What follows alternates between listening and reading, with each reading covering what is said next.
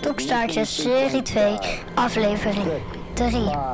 Lancering binnen 3, 2, 1, lift off.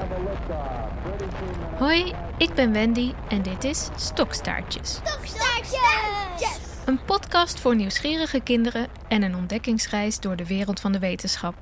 In deze tweede serie reis ik naar de ruimte. En gelukkig krijg ik weer hulp van de stokstaartjes. Zij stellen slimme vragen, zodat ik op zoek kan naar de antwoorden. Dit is Stokstaartjes de podcast. En dat eh, gaat allemaal met de hand. En dat duurt ook eventjes. Want je moet echt eh, flink draaien. Is het zwaar? Wil je het proberen? Ja. Hoi stokstaartjes. Het is half elf s'avonds en ik ben in de oude sterrenwacht in Leiden. Deze sterrenkoepel is al meer dan 150 jaar oud, dus we moeten hem met de hand openen en daarna de opening in de richting van Jupiter en Saturnus draaien. Want daar ben ik speciaal voor gekomen. In het midden van de koepel staat een gigantische telescoop. En er is nog iets bijzonders. Ik mag op een stoel zitten waar Einstein ook nog op gezeten heeft. Einstein is misschien wel de beroemdste wetenschapper die ooit heeft geleefd. En heeft hij ook op deze stoel gezeten in deze koepel? Ja. Ja, Einstein, dat, weet, dat weten heel weinig mensen. Maar die was ook gewoon in Leiden. We komen straks terug in de sterrenkoepel. Maar eerst gaan we luisteren naar Maya en Bojan. Ze zijn allebei tien jaar, zitten in groep 6 en hebben allebei een vraag. We gaan eerst luisteren naar Bojan. Wat weet jij zelf al over de ruimte? Nou, eh, ik heb gehoord dat, eh, dat ze onderzoek doen op Mars. Om te kijken of er nou echt aliens zitten. En eh, met een machine kijken ze naar echt kleine bacteriën die er dan zitten. En ze klein, kijken naar hele kleine details. Denk jij dat er iets leeft op Mars? Nou, ehm, ik, ik kan, dat kan ik niet goed zeggen. Maar ik, ik ben wel benieuwd. Ik ben niet heel nieuwsgierig. Nou, ik ook. En het klopt dat er onderzoek wordt gedaan op Mars om te kijken of er leven is of ooit is geweest. Tot nu toe is dat nog niet gevonden, maar de zoektocht gaat gewoon door. En wat wil jij weten over de ruimte, Boyan? Hoe ziet eigenlijk uh, de, uh, de andere planeten van de binnenkant ook eruit? Want ik weet hoe de uh, binnenkant van de aarde eruit ziet. Eigenlijk van lava, maar zijn er ook planeten van de binnenkant die er anders uitzien? Ik ga praten met professor Inge Loes ten Katen. Zij is planeetwetenschapper bij de Universiteit Utrecht en het Anton Pannenkoek Instituut in Amsterdam. En zij kan Bojans vraag zeker beantwoorden. Hoe zien andere planeten er eigenlijk van de binnenkant uit? Ja, dat is een leuke vraag. Um, maar dan ga ik de vraag ik alleen beantwoorden voor de aardachtige planeten. Um, dus Mercurius, Venus, de Aarde en Mars. Nou, wat we, wat we weten is dat de planeten eigenlijk um, best wel hetzelfde zijn opgebouwd. Want de planeten hebben allemaal een kern. Uh, en in die kern zit heel veel ijzer. En om die kern zit een, grote laag en die noemen we de mantel. Um, en bovenop die mantel, de buitenkant, is de korst. Nou, dat hebben eigenlijk alle planeten. Maar wat we nou bijvoorbeeld zien is dat Mercurius is met een heel klein planeetje. Dus wat je nou bij Mercurius ziet is dat de kern heel groot is, maar dat er maar een hele dunne laag mantel overheen zit uh, voordat je bij de korst komt. En wat we denken is, het is helemaal niet logisch. Het is niet logisch dat je een hele grote kern hebt en bijna geen mantel. Dus wat we denken is dat Mercurius op een gegeven moment toch nog een keer heel hard gebotst is. Uh, en dat die botsing ervoor gezorgd heeft dat Mercurius maar een hele dunne mantel heeft. Oh, dus door te kijken hoe Mercurius er van binnen uitziet, kun je misschien ook iets te weten komen over wat er vroeger met Mercurius is gebeurd. En hoe zit dat dan met Venus? Nou, bij Venus is het een beetje dezelfde uh, verhouding als de aarde. Dus ongeveer een even grote kern en uh, mantel. En, en korst. Uh, maar wat we bij Venus zien bijvoorbeeld is dat Venus heeft geen platentectoniek. Oh, wacht eventjes. Platentectoniek? Wat is dat eigenlijk? Nou, de korst van de aarde bestaat uit een soort puzzelstukken en die heten aardplaten. Die puzzelstukken drijven eigenlijk op de aardmantel, want de aardmantel is vloeibaar. De aardplaten bewegen dus een beetje, heel langzaam. En dat bewegen van die platen, dat heet platentectoniek. Oké, de aarde heeft dus wel platentectoniek, maar Venus niet. Maar wat we wel zien is dat er bij Venus heel veel vulkanisme is. Dus dat betekent dat de mantel wel warm genoeg is uh, dat daar elke keer lava door de korst heen naar buiten komt. Dus daar zien we heel veel vulkanen. Ehm, nou, en als je dan bij de aarde komt, bij de aarde, nou, we hebben een kern en een mantel en een korst. Maar wat we zien, dat de korst bestaat uit platen, hè, die bewegen uit elkaar. Daar is de aarde heel speciaal in. Uh, en wat de aarde ook heeft, is dat de kern is een deel vast en een deel vloeibaar. En dat vloeibare deel is heel belangrijk, want doordat in het vloeibare deel stroomt het materiaal in de kern. En daardoor kunnen elektronen heen en weer stromen, net als in een batterij. En daardoor krijg je energie en een magneetveld. En dat is waarom de aarde een magneetveld heeft. De aarde is dus eigenlijk ook gewoon een hele grote magneet. En dat is maar goed ook, want het magnetisch veld van de aarde beschermt ons tegen gevaarlijke straling uit de ruimte. Zonder dat magneetveld zou er niets kunnen leven op aarde. En de andere planeten hebben die dat ook? En grappig genoeg zien we dat Mercurius ook een magneetveld heeft. Dus we denken dat er bij Mercurius dat de kern ook toch nog voor een deel vloeibaar is. Terwijl Venus heeft geen magneetveld, dus daar is de kern waarschijnlijk uh, of vast of in ieder geval niet vloeibaar genoeg om een magneetveld te maken.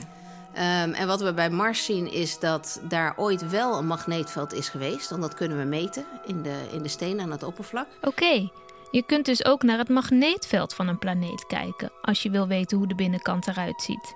De vier rotsachtige planeten in ons zonnestelsel hebben allemaal een kern, een mantel en een korst. Maar hoe groot die precies zijn en of ze vast of vloeibaar zijn, dat is bij iedere planeet anders. Uh, dus je ziet echt veel verschillen en ook veel verschillen met de aarde. En hoe dat nou precies komt, daar wordt nog heel veel onderzoek naar gedaan. En dat, dat weten we dus nog niet zo goed. Door te kijken naar andere planeten zie je pas echt goed hoe bijzonder de aarde eigenlijk is. Nou, ja, de aarde is ook gewoon een planeet. Alleen de aarde heeft hele andere dingen dan de meeste andere planeten. Dus we zijn niet zo'n gewone planeet. Ja, en door ook door ze te vergelijken met andere planeten, dan realiseer je je misschien ook wel dat de aarde heel speciaal is. En dat we nou ja, toch ook een beetje voorzichtig moeten zijn met de aarde. Ja, die blauw met groene planeet is ons huis, ons ruimteschip. En daar moeten we goed voor zorgen. Terug naar Maya en Boyan.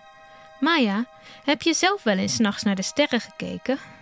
Uh, ja, en ik had ook een keer had ik uh, voor de grap had ik gewoon mijn verrekijker gepakt en naar de sterren gekeken en het was echt heel mooi.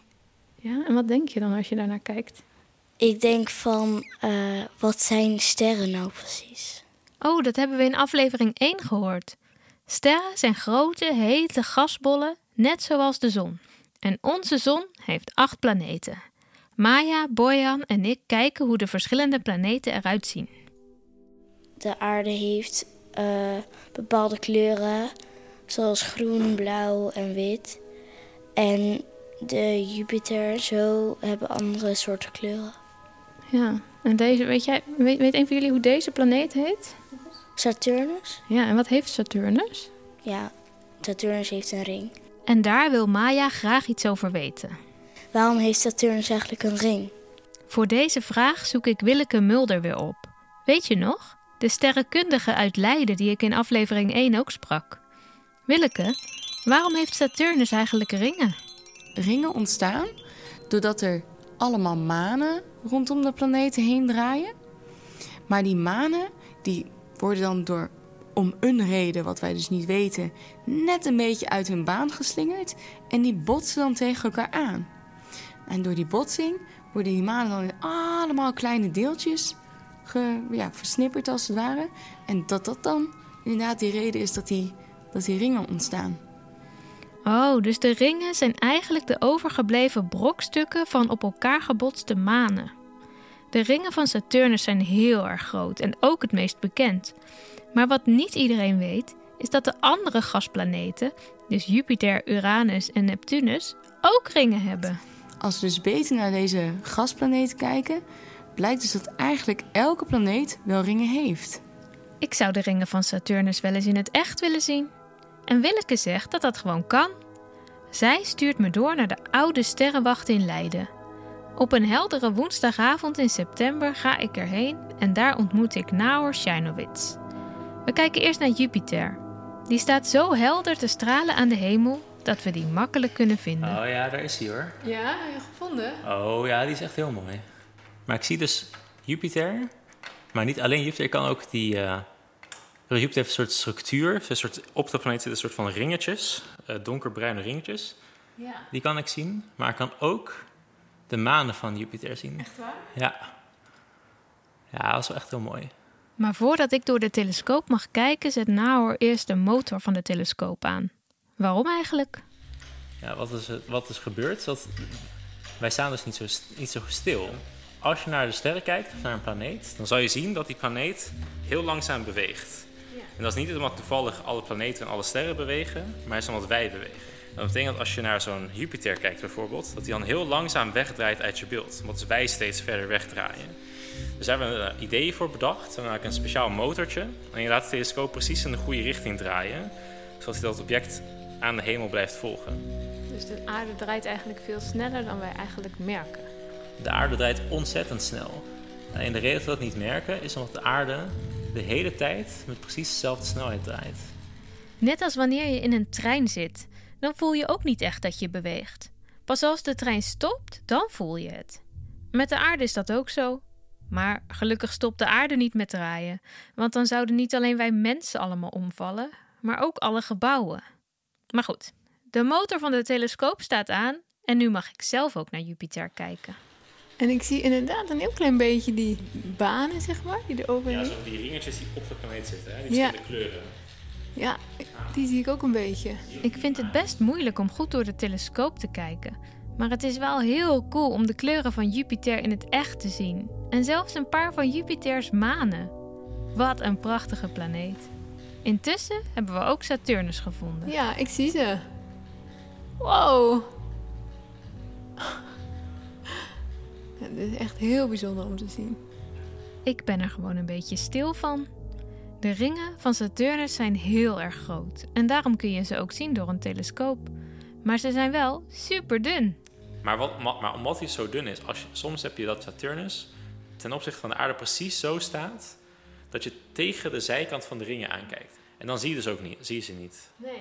Dan is het alsof Saturnus opeens geen ringen meer heeft. Net als dat je tegen de zijkant van een velletje papier aan probeert te kijken. Dat zie je dan ook bijna niet. Precies. En waar zijn ze van gemaakt, die ringen? Ja, eigenlijk eh, van hetzelfde materiaal als waar eh, veel maanden van gemaakt zijn. Dus eigenlijk gewoon, moet het voorstellen als soort gewoon rotsblokken die in een baan om Saturnus zitten. Oh, nu zie ik echt heel gedetailleerd ineens die ring. Ringen. Het is echt heel bijzonder.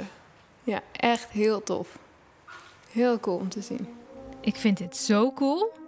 Ik ken Saturnus natuurlijk van plaatjes, maar dit is gewoon echt. Nauer heeft nog een paar goede tips voor als je zelf naar de sterren wil kijken. Nou, de eerste tip die ik dus zou geven is: hoe herken je nou een planeet ten opzichte van een ster? Dus als iets overduidelijk aan het twinkelen is, dan weet je zeker het is een ster. Want geen van de planeten in ons zonnestelsel doen dat. Dat is handig. Planeten twinkelen niet en zo kan je ze herkennen. Nou, en als het een hele felle, eh, een heel felle punt aan de hemel is, dan is het waarschijnlijk Saturnus of Jupiter. Dat zijn verreweg de grootste planeten in ons zonnestelsel. Maar als je heel erg geluk hebt, kan je, als het echt heel donker is, misschien een heel klein rood puntje zien. En dat zou dan wel eens Mars kunnen zijn. En Maya had haar verrekijker gepakt om naar de sterren te kijken. Kun je daar dan bijvoorbeeld de maan beter mee zien? Absoluut. Eh, de maan is echt een fantastisch object om naar te kijken. Eh, omdat hij zo dichtbij staat, kan je heel makkelijk heel veel details zien. En met een verrekijker zie je natuurlijk veel meer. En wil je een keer door een echte telescoop kijken? Misschien is er wel een sterrenwacht bij jou in de buurt. Sterrenwachten zijn soms open voor publiek en sommige hebben zelfs speciale avonden voor kinderen. Nog heel even terug naar Maya en Bojan. De ruimte is zo groot. Zou er niet toch ergens leven te vinden zijn? Nou, ik denk eigenlijk van niet, want meestal komt het voor in films en dan zie je gewoon dat het geëdit is. Dus ik denk niet echt. En wat denk jij, Bojan? Ehm, nou, eh, ik, eh, misschien, want het is heel groot, ja. En eh, ik denk van wel misschien. En hoe zou dat er dan uitzien? Met eh, dan als ho- eh, voorhoofd is er nog één oog bij. En dan heeft hij van die hele dunne armpjes. Dan is hij tien keer zo lang als een normaal mens. En dan ehm, heeft hij hele grote handen, handen, een hele grote voet, alleen dan een heel klein lichaam. Dit was aflevering 3 van de ruimteserie van Stokstaartjes.